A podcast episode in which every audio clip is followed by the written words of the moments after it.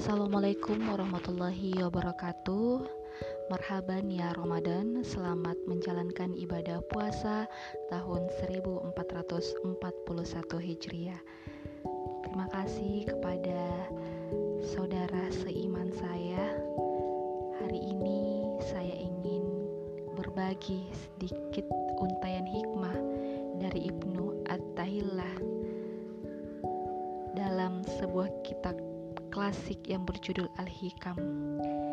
Jadi Al-Hikam ini merupakan mutiara-mutiara cemerlang untuk meningkatkan kesadaran spiritual tidak hanya bagi para salik dan murid-murid tasawuf tapi juga untuk umumnya para peminat oleh batin.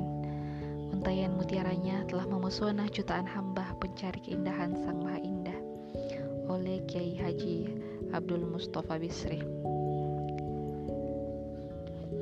Hari ini di Ramadan pertama saya akan membahas di bagian pertama yaitu berserah pada takdir dan anugerah. Dikatakan bahwa termasuk tanda pengandalan pada amal ialah berkurangnya harapan ketika ada kesalahan. Tidaklah mudah melepaskan diri dari keterikatan hati pada apa yang kita kerjakan. Kita bahkan sering memenuhi pikiran dan perasaan kita dengannya. Bukan hanya saat mengerjakan, tetapi terlebih sesudahnya. Tentu ini karena kita ingin sempurna melewati semua proses kerja amal hingga akhir. Akhirnya, tanpa kita sadari, kita lupa menempatkan Allah dalam perbuatan dan tindakan kita.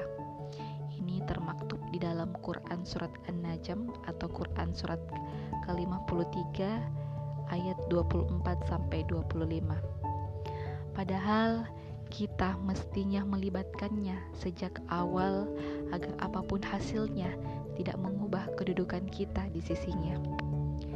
Maka bekerja keraslah sembari tetap beribadah.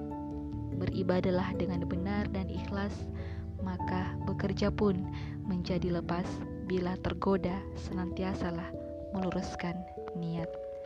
Terima kasih. Wassalamualaikum warahmatullahi wabarakatuh.